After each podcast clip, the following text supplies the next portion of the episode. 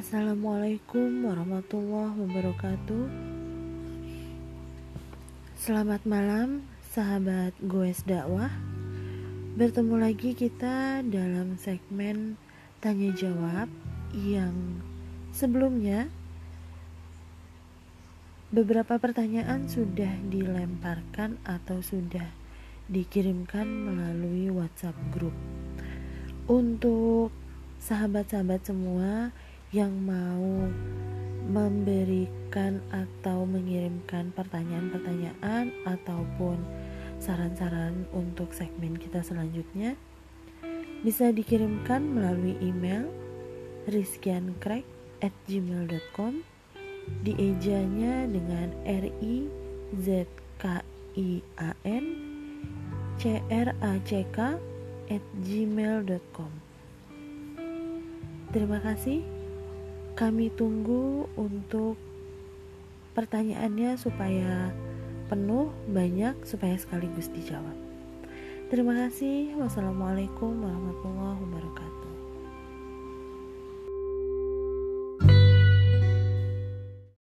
Alhamdulillah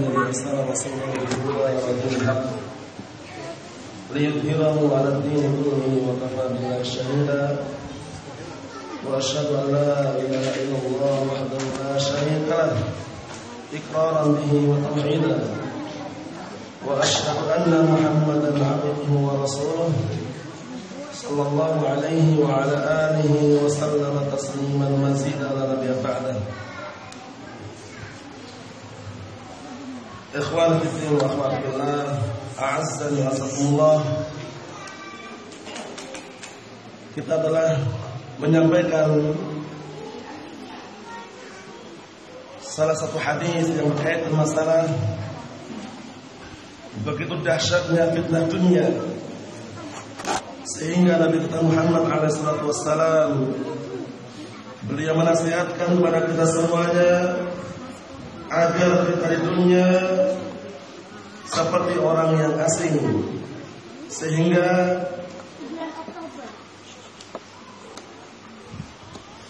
mengambil bagian dunia secukupnya, sisanya untuk akhirat. Karena Nabi kita Muhammad alaihissalam beliau tidak pernah khawatir kalau seorang hamba atau umatnya menjadi umat yang fakir, yang miskin.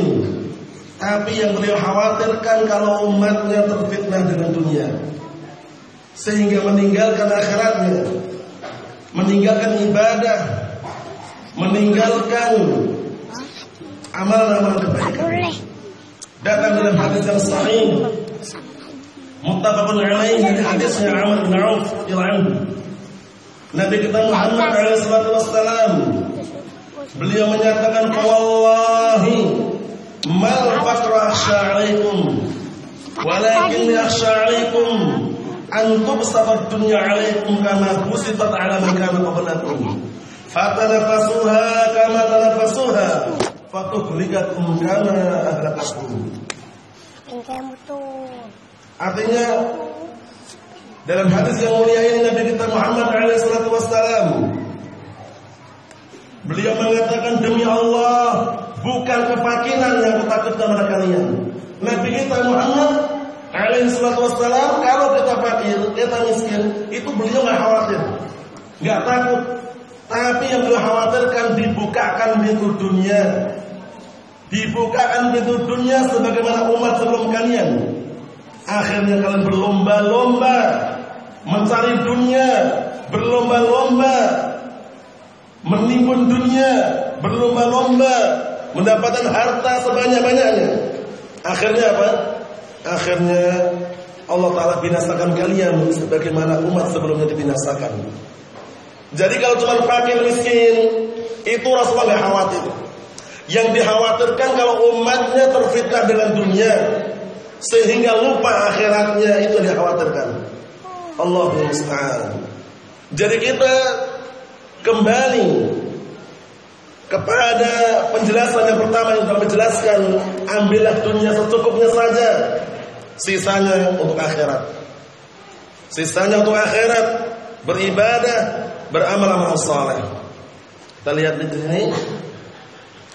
Qauluhu wa kana Ibnu Umar radhiyallahu anhu yaqul idza amsayta fala tantadir as-sabah wa idza asbahta fala tantadir al-masa. Allahu musta'an. Dan Ibnu Umar radhiyallahu anhu menyatakan kalau kamu berada di sore hari jangan nunggu pagi hari. Dan apabila kamu berada di pagi hari jangan nunggu waktu sore hari. Maksudnya segera beramal.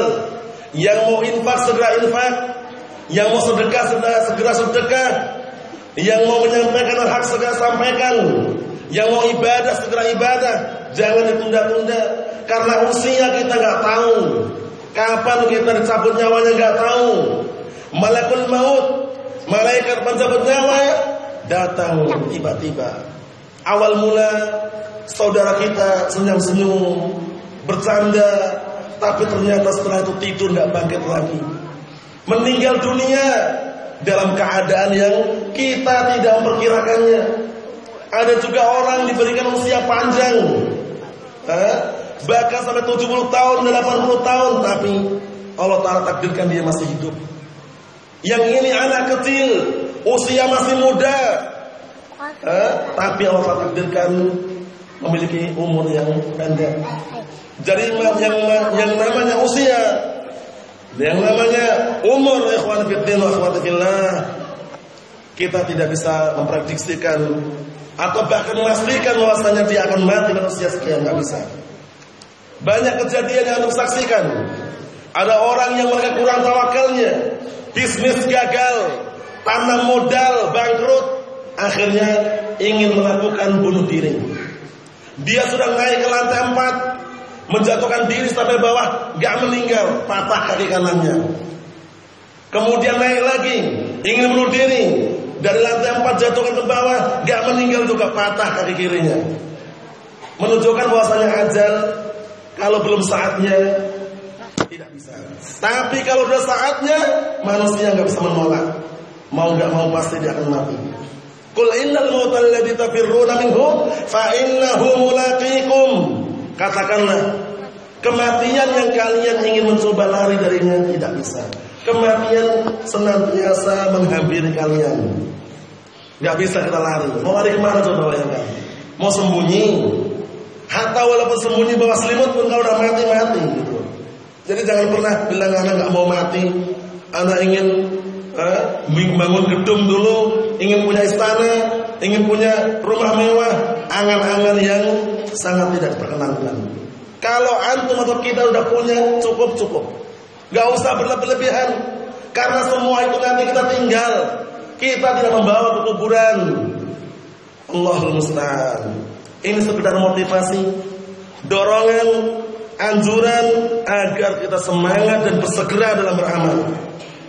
Jangan pernah ditunda-tunda. Karena amalan kalau ditunda-tunda akan berakibat menumpuk. Kalau sudah menumpuk, malas untuk mengamalkannya. Allahul musta'an. Kita lihat lagi. Qala Syekh Abdul Muslim Al-Abbad asbahullah fihi mubadarat ashabi Rasulillah sallallahu ila tanfidhi wasaya Rasul sallallahu alaihi wasallam. Di dalam hadis ini ada semangatnya para sahabat, bersegeranya para sahabat Rasulullah SAW untuk melaksanakan wasiat Rasulullah Sallallahu Alaihi Wasallam. Gak menunda-nunda mereka. Begitu datang perintah atau anjuran sami'na wa ta'na. Jangan pernah kita mengatakan sami'na wa asayna. Sami'na wa ta'na. Yang makro ditinggalkan karena itulah yang lebih afdal. Yang haram ditinggalkan karena nggak boleh dikerjakan. Yang wajib kita kerjakan karena itu adalah kewajiban. Yang sunnah kita amalkan karena itu yang abdul. Segera sami'na wa ta'na. Na'am barakallahu fikum. Kita lihat sini.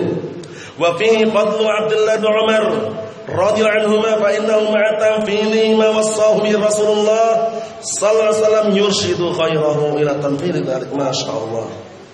Di dalam hadis ini juga ada keutamaan Abdullah bin Umar. Bersamaan beliau melaksanakan wasiat Rasulullah SAW, beliau juga mengarahkan orang lain untuk melaksanakannya. Maknanya apa? Maknanya ketika kita mengamalkan kebaikan, jangan lupakan saudara kita. Kalau kita pengen selamat, Pengen selamat dari api neraka dan pengen surga, cintailah saudaramu. Selamatkan dia, ajarkan kepadanya ilmu agama yang benar biar sama-sama selamat. Itu bukti cintanya kita pada saudara kita. Bukan membiarkan mereka terjerumus, bukan membiarkan mereka tersesat, tapi kita nasihati. Karena kita juga pengen saudara kita selamat. Eh? Nabi kita Muhammad SAW beliau menyatakan dalam hadis yang sahih, la yu'minu ahadukum hatta yuhibba li akhihi ma yuhibbu. Tidak sempurna keimanan salah seorang di antara kalian sampai dia mencintai saudaranya sebagaimana mencintai diri sendiri. Kalau diri sendiri cinta selamat, selamatkan saudaramu. Cintailah saudaramu biar selamat. Ajak mereka kepada kebaikan. Ajak mereka kepada agama yang benar. Ajarkan Al-Quran dan As-Sunnah. Kita lihat sini. Wal ma'na anna al-muslima yakunu mutaraqiban al-maut wa huwa yasta'iddu lahu bil 'amal salih duna kasalin aw ta'khir. Allahu musta'an. Penting. Maknanya hendaknya seorang muslim itu senantiasa merasa eh, senantiasa merasa bahwasanya dia akan mati nah sehingga apa sehingga dia bersiap-siap untuk beramal-amal soleh tanpa malas-malasan tanpa menunda kita lihat bagaimana kisah yang Nabi kita Muhammad SAW menyebutkan dalam hadis tentang keadaan umat ini di akhir zaman. Bukan umat yang sedikit, kaum muslimin banyak, ribuan, jutaan ribu. Tapi kenapa kok diombang-ambingkan, dihancurkan, diporak-porandakan orang kafir? Sebabnya satu penyakit yang perlu kita waspada. Sebabnya karena wahan. Penyakit wahan ini berbahaya sekali. Sampai-sampai segenap para sahabat ketika Rasulullah mengatakan hampir-hampir musuh Islam mengepung kalian, hampir-hampir menghancurkan kalian. Kemudian salah satu sahabat bertanya, "Ya Rasulullah, awamin qillatin nahnu yawma idzin?" Wahai Rasulullah, apakah kita jumlahnya sedikit? Kata Rasulullah, "Bal antum yawma idzin katsir, walakinnakum ghusaun ka ghusais sayr." Bayangkan, kalian itu jumlahnya banyak, kaum muslimin banyak atau tidak? Banyak. Tapi kenapa kalah? Kenapa kalah dengan kufar? Kenapa bisa dihancurkan, dibikin cerai berai oleh kufar? Pada jumlahnya banyak. Apa kata Rasulullah? Kalian itu banyak jumlahnya, tapi kalian itu adalah buih. Eh? Seperti buih yang di atas, yang dibawa oleh banjir. Seperti busa, banjir ke mana arahnya ikut saja dia. Kemudian Disebutkan situ barakallahu fikum di akhir hadis beliau alaihi salatu wassalam menyatakan apa? Eh, menyatakan wala yaqdifanallahu fi qulubikumul wahn. Dan Allah Taala tancapkan di hati-hati kalian al-wahn. Ya Rasulullah, sahabat, sahabat bertanya, "Ya Rasulullah, wa man wahn?" Apa itu wahn ya Rasulullah? Kemudian Rasulullah alaihi wassalam Eh? ketika mengisahkan bahwasanya orang-orang kafir dicabut rasa takutnya, berani melawan orang muslim, berani menghancurkan kaum muslimin. Eh? ketika Allah tancapkan wahan pada hati-hati kaum muslimin, sahabat bertanya, apa itu wahyu Rasulullah? Hubbud dunya wa karahiyatul maut. Cinta dunia, takut kematian. Kalau mati takut dia. Berdakwah takut mati, anak nggak mau dakwah, anak Nanti anak kalau dibunuh bagaimana? Gak perlu takut. Selama al-haq kebenaran yang disampaikan, jalan terus. Jalan terus. Karena Al-Quran Sunnah harga mati. Sampai meninggal dunia, dakwakan Al-Quran Sunnah. Walaupun pahit rasanya dakwakan. Cacingan, gunjingan, makian, nggak perlu kita hiraukan. Biarkan. Karena apa? Karena kebenaran yang kita sampaikan, bukan kebatilan. Kita berani karena benar. Kita berani karena di atas Al-Quran Sunnah. Di atas Al-Haq. Na'am barakallahu fikum. Jadi penyakit Tuhan jangan pernah terpetik benak kita, jangan sampai ada pada diri kita. Cinta dunia takut mati. Cinta dunia takut mati. Nah Allah musta'an. Hindari. Kita lihat sini. Wa ya'mal fil hadhihi ka'annahu la yudrikul masa' Orang yang semangat untuk menyiapkan akhiratnya, dia beramal-amal soleh di siang harinya, seakan-akan dia tidak menjumpai sore harinya. Karena saking semangatnya. Anda mau sedekah, mau infak, kapan? Tahun depan aja lah. Ternyata sebelum tahun depan meninggal dunia karena menunda amalannya tadi itu. Jadi amal kebaikan ketika dia mampu dan saat itu sudah ada keinginan segera. Segera Sedekahkan, infakkan, amalkan kebaikan tersebut. Contohnya gitu. Karena penundaan berakibat iman lupa. Bertumpuk-tumpuk pekerjaan. Akhirnya dikerjakan. Allahul musta'an. Kita lihat sini. Wabilaili karena la yudrikus sabah dan di malam hari dia segera beramal seakan-akan dia tidak akan menjumpai waktu pagi hari. Di malam hari dia beramal seakan-akan tidak menjumpai waktu apa? Pagi hari. Segera maksudnya. Nah, Wa fi tarjumati Mansur bin Zadan fi tahdhibil kamal qala Husaim bin Bashir al-Wasiti law li Mansur bin Zadan inna malak al-maut al-bab ma kana 'indahu ziyada fil amal Dikatakan oleh Mansur bin Zadan rahimahullah sesungguhnya kalau seandainya malakul maut berada di depan pintu maka sudah tidak ada kesempatan lagi untuk menambah amalan. Kenapa? Karena kalau sudah malakul maut di depan pintu, sudah memegang nyawa, mana sempat dia beramal?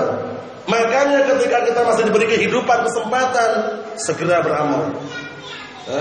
Segera beramal. Talabul ilmi, menuntut ilmu perkara yang perlu kita tekankan. Kebodohan itu ada pada diri kita. Jangan pernah sombong.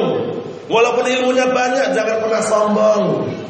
Orang yang tawadhu, orang yang merendahkan diri, bukan orang yang menundukkan kepala terus menerus salam gak mau eh? kemudian lewat menunduk terus bukan itu orang yang tawadu orang yang tawadu itu orang yang menerima kebenaran dengan mudah ketika disampaikan hak dia segera menerima tapi kalau sombong hati-hati kesombongan kunci kebinasaan datang dalam hadis yang sahih diriwayatkan oleh Muslim dari hadis dari Abdullah Mas'ud radhiyallahu anhu la yadkhulul jannata man kana fi qalbihi mithqala dzarrah min kibr. Tidak akan masuk surga orang yang di dalamnya di dalam hatinya ada sekecil pisawi kesombongan. Kesombongan hindari. Baik itu guru ataupun santrinya sama saja. Yang namanya kesombongan tercela. Apa itu kesombongan? Segenap para sahabat saat itu Mengira sombong itu yang pakaiannya bagus, sandalnya bagus. Bukan itu. Orang berpakaian bagus nggak masalah. Itu zina, berhias. Ma'jur dapat pahala insya Allah Sandalnya bagus nggak masalah Bukan itu kesombongan Akhirnya ada sahabat yang mengatakan Ya Rasulullah Inna rajula Yuhibbu an yakuna sabu hasanan Wa na'luhu hasanah Ya Rasulullah Sesungguhnya ini ada orang Yang senang Kalau pakainya bagus Sandalnya bagus Akhirnya Rasulullah mengatakan, Innallaha jamilun yuhibbul jamal. Sesungguhnya Allah Ta'ala itu indah menyukai keindahan. Antum berhias, berpakaian, berpenampilan bersih, rapi, bagus Itu bagus, bukan kesombongan. Dijelaskan di akhir hadis Al-kibru baturul haqqi wa Ini. Definisi kibr sombong Kesombongan itu adalah menolak kebenaran Meremehkan manusia. Ini kadangkala yang sering tertimpa seperti ini seorang guru. Kadang-kala muridnya menegur gurunya, Ustaz, Ustaz keliru Ustaz. Antum nggak usah negur, antum baru anak kemarin sore belajar baru dua tahun dan negur Ustaznya. Ustaznya ini sudah 10 tahun di Damas, 10 tahun di Yaman, sudah LC, MSc, ngeremehkan santrinya. Jangan pernah. Paham ya? Santri ingatkan gurunya kalau itu kebenaran, jazakallah khairan. Terima. Ingat-ingat, kesombongan adalah batarul haqqi wa nas. Menolak kebenaran, meremehkan manusia. Antum baru kemarin belajar dan ingatkan ustaznya. Jadi ustaznya pengen menang terus, benar terus enggak benar. Paham ya? Dari seorang ustaz atau seorang guru atau siapa pun orangnya, hindari namanya kiper sombong. Kalau kebenaran datang dari anak kecil, kalau itu benar terima.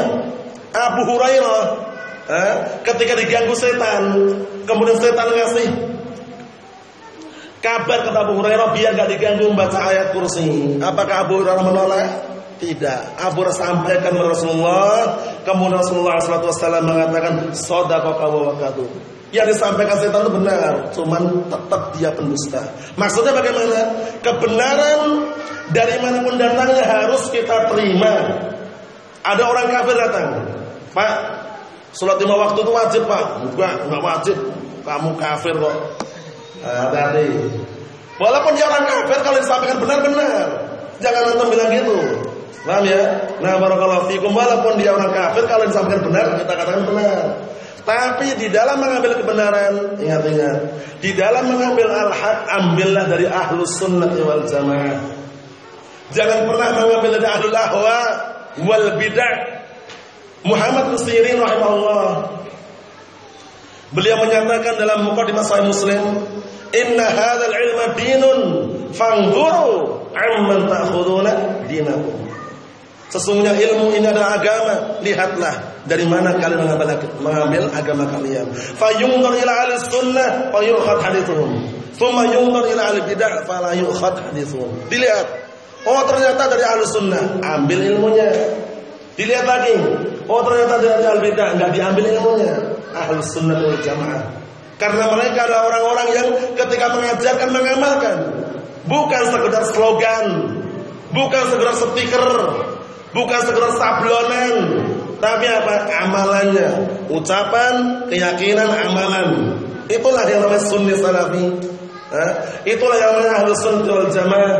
Bukan sekedar ucapan saja, tapi amalan. Diyakini, diamalkan, eh? ucapkan. Nah, barakallahu fikum. Ikhwan fi din wa akhwati fillah, a'azzani Kata beliau dikit lagi di sini. Qauluhu wa khudh min sihatika limaradik wa min hayatika limautik dan ambillah dari masa sehatmu tersebut sebelum datang waktu sakit dan ambillah dari masa hidupmu sebelum datang kematian. Ini benar. Karena orang udah sakit kadang bingung dia. Kalau seandainya nasihat, anak berangkat ta'lim, belajar lagi. Eh, seperti itu.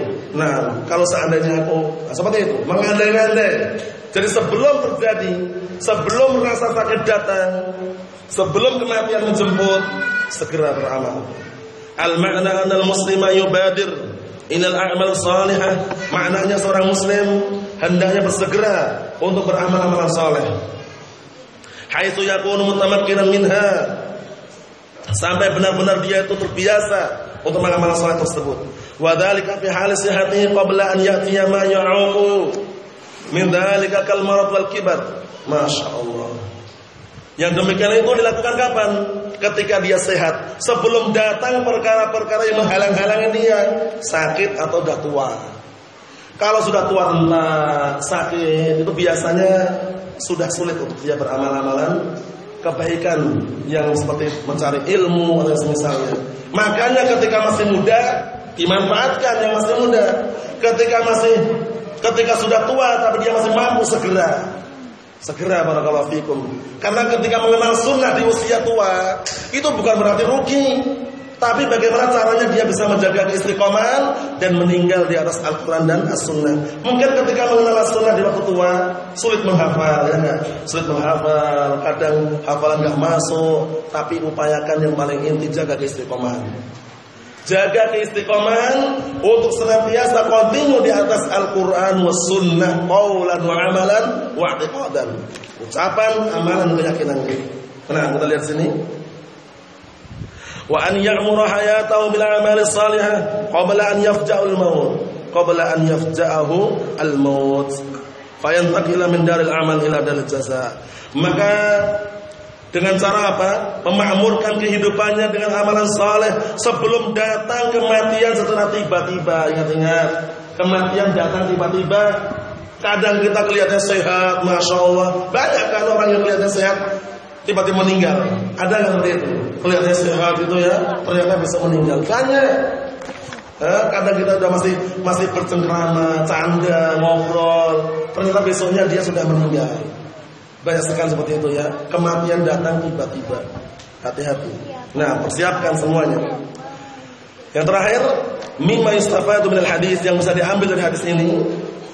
Pertama, al-hathu ala istish'ar al-ghurbah fi hadil hayah liyasta'idda fiha bil a'mal salih. Masyaallah. Dorongan dan anjuran agar kita merasa asing hidup di dunia ini. Sehingga apa? Karena merasa asing, dia akan mempersiapkan amal-amal saleh. Seperti itu. Ingat-ingat ya, dunia hanya sekali saja, bukan dua kali. Sekali ini sempatkan, manfaatkan karena sudah mati nanti bukan dunia lagi, kuburan. Ini alam barzakh.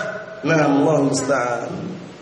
Yang kedua, fi'lul muallim ma yalfit nadhar mu'tallim ila wa'yi ma yulqa alaihi. Masyaallah. Perbuatan seorang guru dengan perbuatan yang membuat orang yang belajar itu apa? Perhatian. Untuk memperhatikan, memahami apa yang disampaikan. Contohnya itu dua orang. Dua orang jalan. Ketika dia menempelkan tangannya ke pundaknya, itu biasanya menyampaikan sesuatu. Sehingga dia pun ada apa? Ya enggak? Nah itu. Itu terkadang dibutuhkan. Nah, misalkan santri atau murid misalkan butuh nasihat nah, yang kira-kira rahasia sampaikan. Dia akan memperhatikan ada apa ini. Seperti itu. Ini masya Allah ya. Nah, liqauli Abdullah bin Umar akhadha Rasulullah bimankibi. Masya Allah. Ya, dikarenakan ucapan Abdullah bin Umar, suatu ketika Rasulullah meletakkan tangannya di pundak. Nah, yang ketiga, mubadaratus sahabah ila tanfidi wasaya Rasulullah SAW. Masya Allah. Bersegeranya para sahabat untuk mengerjakan wasiat Rasulullah SAW. Gak menunda-nunda para sahabat padahal. Eh? Nah, barakallahu fikum. Istighfar, minta ampunan kepada Allah Taala, jangan pernah ditunda. Anak nanti minta maafnya kalau Idul Fitri saja katanya. Biasanya orang-orang itu ya, Oh, Ramadan gak mau, Syaban gak mau minta maaf. Kalau Idul Fitri baru maaf-maafan, terlambat. Ya kalau masih hidup, kalau nggak sempat maaf-maafan bagaimana coba? Eh? Kalau yang namanya maaf-maafan, minta maaf segera, bertobat juga segera. Karena orang bertobat itu beruntung. Wa tubu ilallahi jami'an ayyuhal mu'minuna la'alakum tuflihun. Tobatlah kalian semuanya wahai segenap mukminin, semoga kalian menjadi orang yang beruntung. Tobat. Jangan ditunda-tunda. Nah, barakallahu fikum. Segera amalkan. Nabi kita Muhammad SAW, beliau adalah nabi yang pertama kali membuka pintu surga.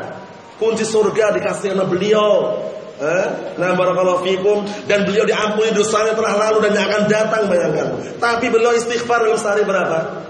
Disebutkan dalam riwayat aksar min sab'ina marrah. Istighfar bertobat. Astaghfirullah wa atubu. Ya Allah aku minta ampun kepadamu dan bertobat kepadamu. Rasulullah dalam sehari lebih 70 kali. Lebih daripada 70 kali. Dan riwayat 100 kali. Nah kita siapa tuh bayangkan? Kita nggak ada jaminan untuk diampun dosanya yang akan datang telah lalu. Rasulullah ada jaminan itu pun istighfar dalam sehari lebih daripada 70 kali. Ini berarti memberikan dorongan dari kita semuanya, antum kita semuanya sekalian banyak-banyak istighfar. Gak perlu pamer istighfar tuh astagfirullah, astagfirullah, astagfirullah di hadapan orang-orang. Antum istighfar tuh ya saat kapan antum eh, ada waktu situ kemudian walaupun pelan-pelan suaranya nggak masalah. Paham ya? Nah, enggak enggak perlu tampakkan di orang-orang itu enggak perlu. Intinya apa? Banyak-banyak istighfar. Banyak-banyak minta ampun kepada Allah Subhanahu wa taala. Kita lihat sini. Yang keempat, fadlu Abdullah bin Umar bi akhdihi bi masiyatin Nabi sallallahu alaihi hasta khairahu 'alaiha. Keutamaan Ibnu Umar radhiyallahu anhu yang beliau benar-benar mengambil wasiat Rasulullah SAW dan beliau memberikan dorongan kepada orang lain untuk mengamalkan wasiat tersebut. Yang kelima yang terakhir, al-hasu 'al mubadarah ila al-amal salih duna kasalin aw ta'khir. Dorongan dan anjuran untuk bersegera amalan-amalan, untuk bersegera untuk mengamalkan amalan kebaikan, amalan saleh tanpa malas-malasan dan tanpa menunda-nunda. Memang benar, kita semuanya nggak akan mungkin semangat terus. Kadang semangat, kadang malas itu ada. Tapi ingat, Nabi kita Muhammad SAW telah memberikan solusi, memberikan jalan keluar. Bagaimana ketika futur, ketika bosan? Eh? Beliau mengatakan di kuliah amalin syirrah, wali kulli syirratin fatrah. Faman kanat fatratu ila sunnati faqad aflah, wa man kanat ila ghairi faqad halak. Hati-hati. Artinya apa? Setiap orang ketika beramal itu ada masa-masa semangat. Semangat Masya Allah, talim yuk, ayo, berangkat ayo. Semangat awal mulanya ya, semangat ada. Masya Allah. Tapi apa? Di sela-sela masa semangat ada masa-masa futur. Bosan, malas. Nah, solusi yang terbaik di situ bukan malah berbuat kemaksiatan, tapi beralih kepada perbuatan-perbuatan sunnah yang lainnya. Barang siapa yang membawa masa futurnya kepada sunnahku, maka sungguh dia beruntung. Dan barang siapa yang membawa yang membawa masa futurnya kepada selain sunnah, dia rugi. Contohnya, biasanya dia mungkin sehari ngapal Al-Quran satu lembar, bisa dia semangat. Ketika itu dia lagi malas, wah malas nih. Nah, bukan berarti meninggalkan, mungkin dia kurangi setengah lembar atau satu halaman misalkan. Kalau dia futur, wah nggak bisa menghafal, ditutuplah itu, ambil hadis. Jadi mengarah perbaikan yang lainnya.